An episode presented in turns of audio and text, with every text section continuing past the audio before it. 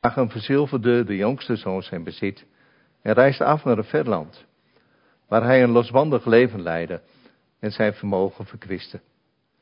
Toen hij alles had uitgegeven, werd dat land getroffen door een zware hongersnood en begon hij gebrek te lijden.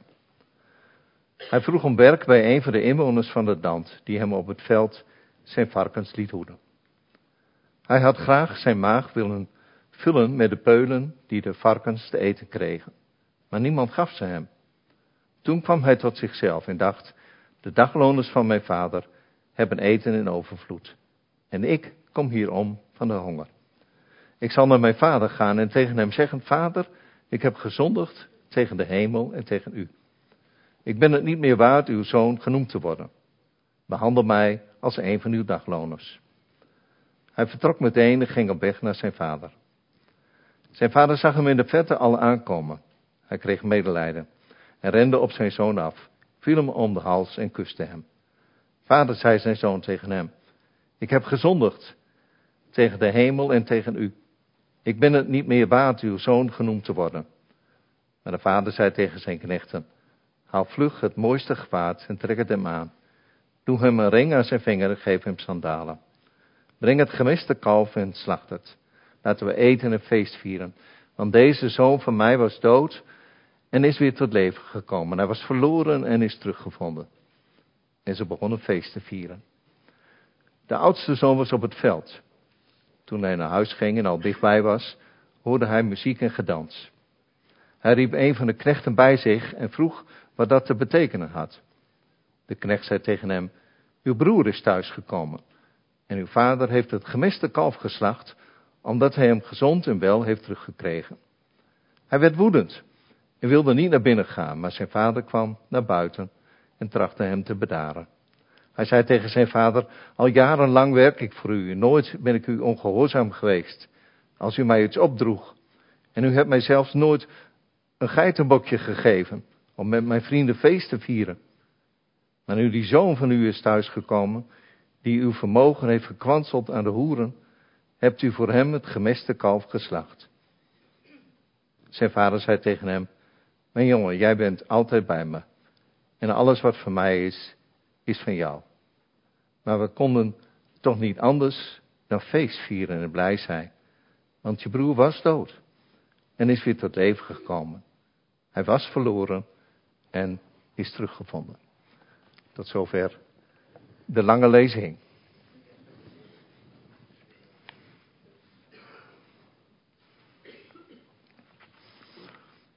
Lucas 15. Eigenlijk is uh, dat een gedeelte uit de Bijbel waarvan ik al heel snel wist wat er stond. Het gaat over het verlorene, over een verloren schaap, over een verloren penning, een verloren munt. En uiteindelijk dus ook over een verloren zoon, of misschien beter gezegd twee verloren zonen. En al die verhalen vormen een geheel. En er zit een plot aan het eind. Dat is vaak zo. Hè? Er is een verhaal. En aan het eind begrijp je dan waar alles over ging. Zo is het ook met deze gelijkenissen. Er zit een plot aan het eind. En die zit in de reactie van de oudste zoon. We gaan samen op uh, uh, ontdekkingstocht, een beetje vanmorgen. Als Jezus met die verhalen begint, met die gelijkenissen, dan zit hij te midden van de belastinginners en de zondaren. En zij zitten vooraan, zij luisteren met gespitste oren. En de fariseeën en de schriftgeleerden, die zijn er ook bij, maar die staan wat op een afstand. En ze morren over het feit dat Jezus omgang wil hebben met belastinginners en met zondaars. Ze zeggen ook van Jezus, ja, hij eet zelfs met ze. Nou, we hebben bij het voorpraatje over de Alpha-cursus wat dat betekent met elkaar eten. Dan kom je dichter bij elkaar, dan komen de verhalen los. Dan gaat het over je leven, over je hart, over je gevoel, over je verstand. En als je, als je het goed bekijkt, eh, ze lagen destijds aan. Niet alleen, ze zaten niet aan tafel, maar ze lagen aan. Dus ze kwamen echt dicht bij elkaar, zeg maar. En als je het dan goed bekijkt, dan ben je eigenlijk ook een beetje elkaars gelijke. He, dat, is geen verschil. Iedereen die aanzit, die eet van hetzelfde eten, die geniet daarvan en je geniet van elkaar. En dat is eigenlijk allemaal niks voor die schriftgeleerden en fariseeën. Want ze distancieren zich van de belastingennis en van de zondaars. Die verdienen in hun ogen absoluut geen enkele aandacht. En Jezus? Ja, Jezus is anders, dat weten we allemaal. Jezus zoekt juist hen op. En hij probeert in de verhalen die hij vertelt en die hij deelt, de ogen in het hart van de schriftgeleerden en de fariseeën te openen. Jezus wil duidelijk maken dat zijn vader, de vader in de hemel, een zoekende God is. Die voortdurend mensen zoekt, overal. En dat hij dat niet zomaar doet alsof het een gewoonte is, maar hij doet dat met, met volledige passie. En dan vertelt hij allereerst de gelijkenis van het verloren schaap. Nou, als je er nou 99 over hebt en dan gaat er eentje verloren, waar zou je je dan druk over maken? Maar deze goede herder, die doet dat wel. En we kennen allemaal wel dat beeld van het schaap wat dan gevonden wordt, over de schouder van de herder wordt gelegd en weer teruggebracht wordt naar de kudde. En er is dan blijdschap. En iedereen die deelt in die vreugde. En datzelfde zien we ook bij het verhaal over de verloren munt. Dat is waardevol voor die vrouw. Het is een deel van haar vermogen. En als ze dat deel dan teruggeeft, dan is ze natuurlijk blij. Want dan, dan heeft ze weer voor de toekomst. Dan kan ze weer eten en drinken. Dan kan ze weer uitdelen ook. En ook zij viert feest als ze het verlorene heeft teruggevonden. En ze nodigt iedereen uit. En voor zover we weten komt ook iedereen. En dan de thuiskomst van de jongste zoon. Die jongste zoon, en, en Groningen zegt van, nou die heeft nogal wat romans gehad, hè. Die heeft nogal wat gedaan. Die heeft eigenlijk in het opnemen van zijn erfenis, heeft hij zijn vader doodverklaard.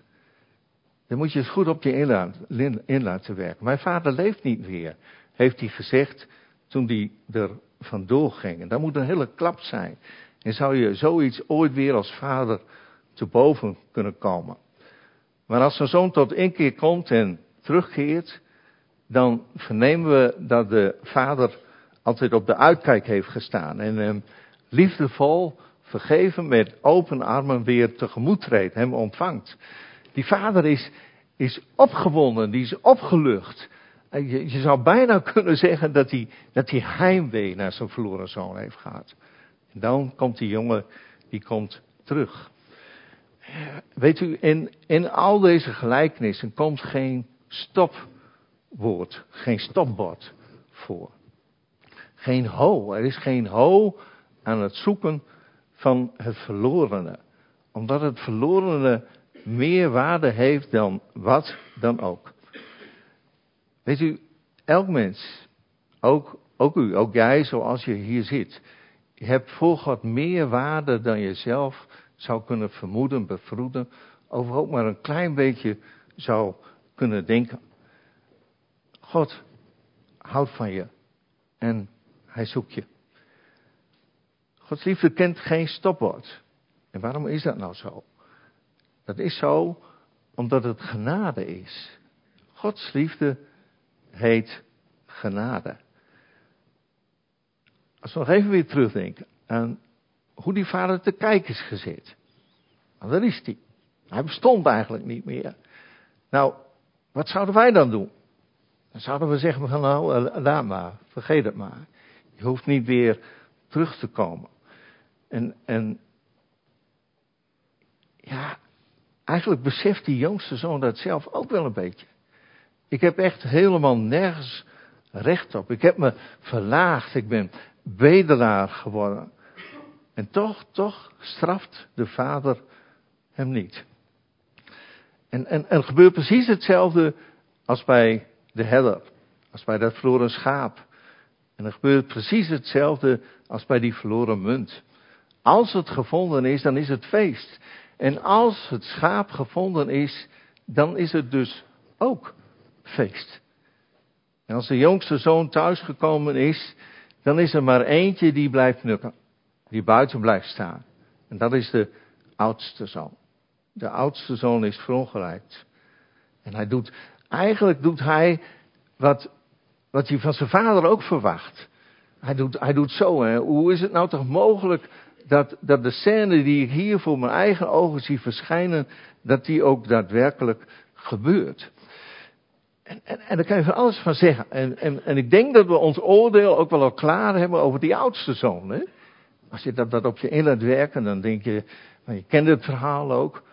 Nou ja, eigenlijk toch ook wel een beetje gek van die oudste zoon. Maar ik heb geprobeerd om me daar een beetje op, uh, op om dat een beetje op me in te laten werken. En ik kan eigenlijk best wel met die oudste zoon meevoelen. Want die oudste zoon heeft jarenlang zijn stinkende best gedaan, meer dan zijn best. En wat is zijn loon? Tja, hij vindt dat hij niks gehad heeft. En hij vindt dat niet eerlijk. Want heeft, heeft zijn vader ooit een feest voor hem uitgeschreven? Nou ja, dat mag wel een beetje minder natuurlijk dan wat die, wat die jongste zoon nu gepresenteerd krijgt. Maar, en, en, en, en dan te bedenken hoeveel verdriet die jongste zoon zijn vader heeft aangedaan. Daar heeft hij toch in ieder geval als oudste zoon nooit aan meegedaan. Ja, in de ogen van de oudste lijkt het allemaal een beetje de omgekeerde wereld. Zijn jongste broertje, hij moest zich schamen. Een pa zou zo'n feest niet moeten organiseren. Want dat heeft hij absoluut niet verdiend. Die pa die zou zijn jongste zoon eigenlijk eens een keer de waarheid moeten vertellen. Hij verdient toch eerder straf dan feest. En weet ik, weet wat ik mooi vind hieraan is dat die oudste zoon zijn emoties niet opkropt. Hij is eerlijk. Hij laat zich gaan. Maar hoe, hoe zit het eigenlijk met zijn, met zijn innerlijk? Hij laat zien hoe hij er aan de buitenkant over denkt. Maar hoe zit het met zijn innerlijk? En dan zien we in één keer dat hij absoluut niet datgene, dat innerlijk, dat hart van zijn vader heeft geërfd. De oudste zoon voelt zich slachtoffer, alsof hij nooit één gelukkige dag heeft beleefd. Hij is zuur, hij is leeg, hij is bitter, hij is jaloers. En in zijn ogen wordt hem tekort gedaan. Maar wat, wat gebeurt er nou eigenlijk werkelijk? Hij is blind. Hij is blind voor datgene wat wij genade noemen. Hij kent die ontvankelijke armen van zijn vader niet. En als zijn broertje al genade zou mogen ontvangen, dan zou hij er zijn best voor moeten doen. En dan zou zijn broertje ook een, een lijst moeten meekrijgen om zich nu uiteindelijk dan in vervolgens een beetje goed te gedragen. En dan wel op de manier van zo doen we dat hier. Dat is onze modus. En daar heb jij je dan ook maar aan te houden. En als je dat alles tot zover op een rijtje zet, dan denk ik, dit gedeelte gaat over de kerk van vandaag. En ik durf het schoolvoedend misschien ook wel een klein beetje te zeggen. Dat het misschien ook wel gaat over de gemeente hier in Appingedam. Weet u, als wij om ons heen kijken, dan kunnen we stellen dat we in een hele enerverende tijd wonen. En je zou bijna blind moeten zijn om deze tijd niet te koppelen aan de verwachte wederkomst van Jezus. Want daar, daar moeten we altijd klaar voor zijn. En totdat Jezus komt, ontvangen we genade. En mogen we die uitdelen. Deze tijd waarin geloven in, in de kerk tweede rangs worden. Daar God ons uit om meer dan ooit als gemeente en ook individueel vanuit genade te leven.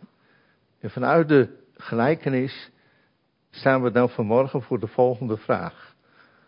Durven we het aan om met een open houding, deze houding, klaar te staan voor de zoektocht naar mensen die deze houding nodig hebben?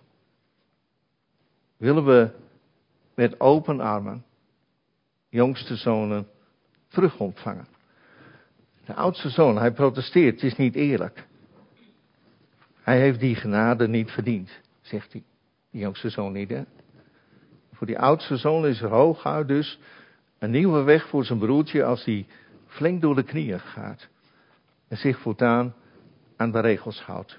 Dus als hij bewijst genade waard te zijn. De vader geeft genade. En de oudste zoon vraagt genade plus. De vader geeft genade, genade alleen. En de oudste zoon vraagt genade plus. Ik heb die termen ontleend aan een gedeelte uit Handelingen 15. Ook geschreven door Lucas. En in dat gedeelte krijgen we verslag van een vergadering tussen verschillende gemeentes die in de begintijd zijn ontstaan. En in hoofdstuk 15 zien we al een beetje dat er wat haarschuurtjes komen in die kerk van de eerste eeuw. En die haarscheurtjes die ontstaan over, waar gaat het nu dan uiteindelijk over in de gemeente? Wat beleiden wij? Wat is onze houvast? Wat is onze grond? Wat is ons geloof? En die gemeente die bestaat uit christenen uit de heidenen en christenen uit de joden.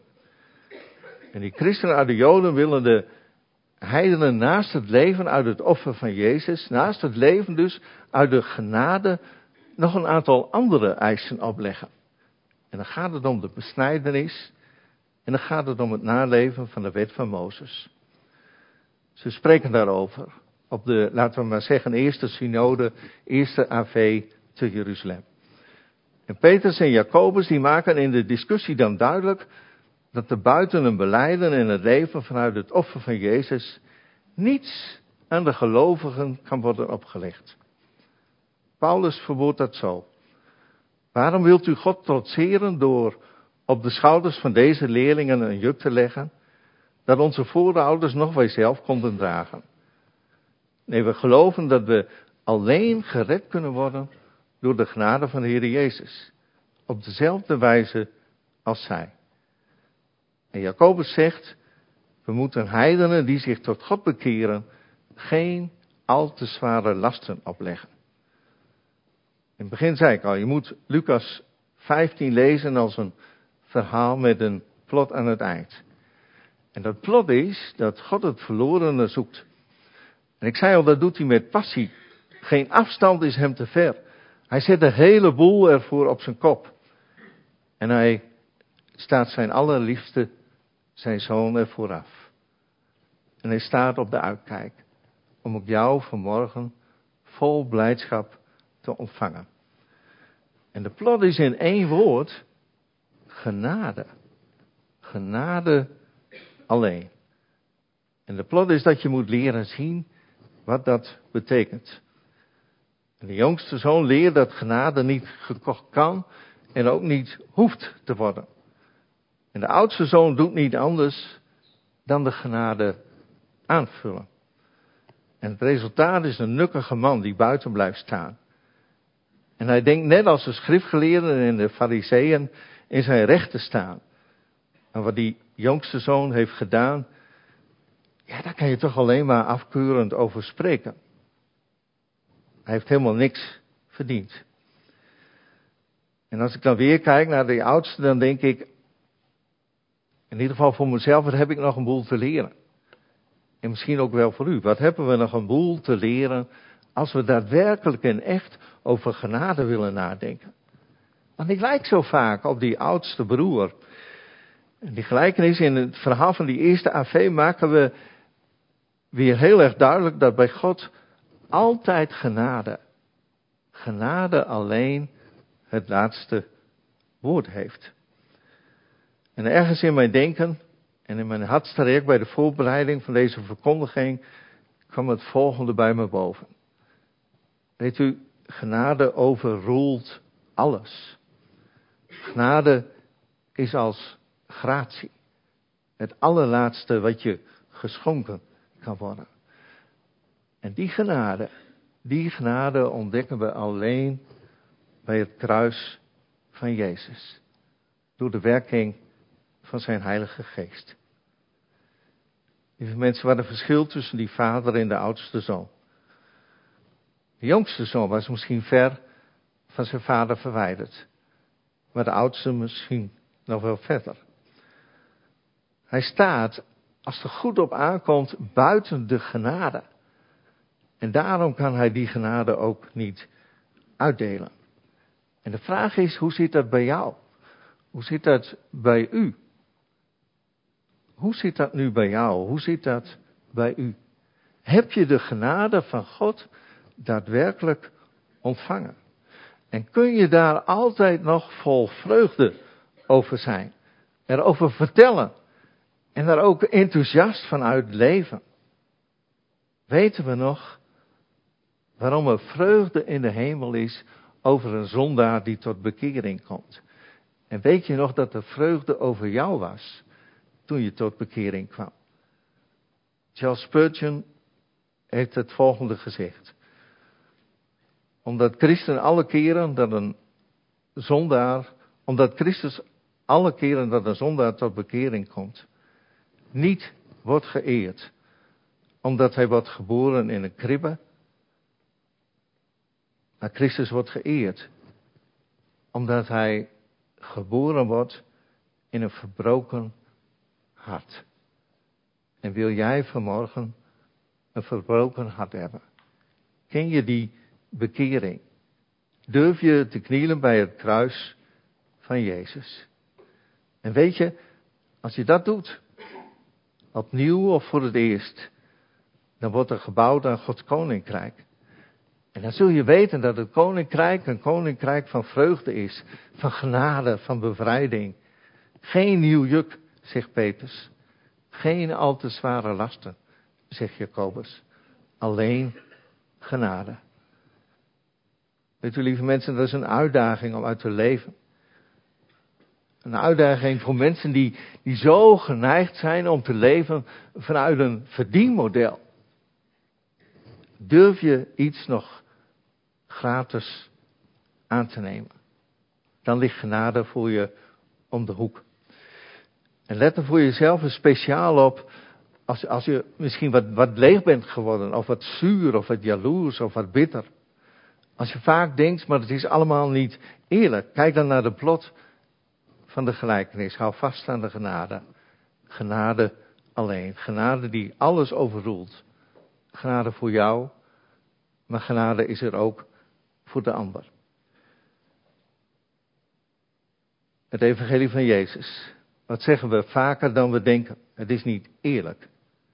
Denk maar aan de gelijkenis van de arbeiders in de wijngaard. Die kent u wel. Degene die als laatste komt, die krijgt net zoveel uitbetaald als degene die de hele dag al geploeterd heeft. En mijn eerste reactie is dan misschien net als die van u en van jou. Dat is niet eerlijk. Maar dat, dat heet genade. Onverdiend, maar God geeft het. En God geeft het ook aan jou. Kom dichterbij, zegt de vader, dan laat ik het je zien. Dan verander ik jouw afstand en jouw nukkigheid in nabijheid en vreugde. Mijn zuster zei laatst tegen me, vroeger was geloven moeten voor me. En wat was ik blij toen ik besefte dat het niet aankwam op mijn naleven van de wet, op de plussen en de winnen, maar op de genade van God. We kunnen kijken naar de tijd waarin we leven. En nogmaals, daarna kunnen we aflezen dat de komst van Jezus dichterbij komt. En dat stelt ons, zo kijk ik er tegenaan vanuit dit gedeelte, voor de uitdaging om steeds meer en meer uit genade te leven. En die genade ook met anderen te delen. Weet u, ik ben in een baptiste gezin opgegroeid en van jongs af aan naar de kerk geweest. En ik hoorde van jongs af aan, iedereen mag bij Jezus komen. Maar ik ontdekte gaandeweg ook dat het eigenlijk zo is. Iedereen mag bij Jezus komen, behalve. Misschien snapt u hem. En nu denk ik, heeft God ons ooit de opdracht gegeven om mensen uit zijn uitnodigingslijst te screenen? Heeft hij ons ooit de opdracht gegeven om mensen uit die uitnodigingslijst te schrappen? Nee. Hij heeft ons de opdracht gegeven om mensen welkom te heten. Met deze ene genadevolle houding, met open armen. En ik besef heel erg goed dat dat best heel erg moeilijk is. Maar de core business van Lucas 15, leef uit genade, is zo vreselijk anders. Zo tegendraads. Dat kun je alleen maar in de kracht van de geest. Maar als je ziet wat de uitkomst is, dan is het net alsof we al een beetje in dat nieuwe rijk zijn, wat gaat komen. Toch? Als we daar echt uit leven, echt uit genade gaan leven, dan hebben we al een voorproefje van hoe het straks zal zijn als Jezus terugkomt. Ik wens u veel genade toe. Amen.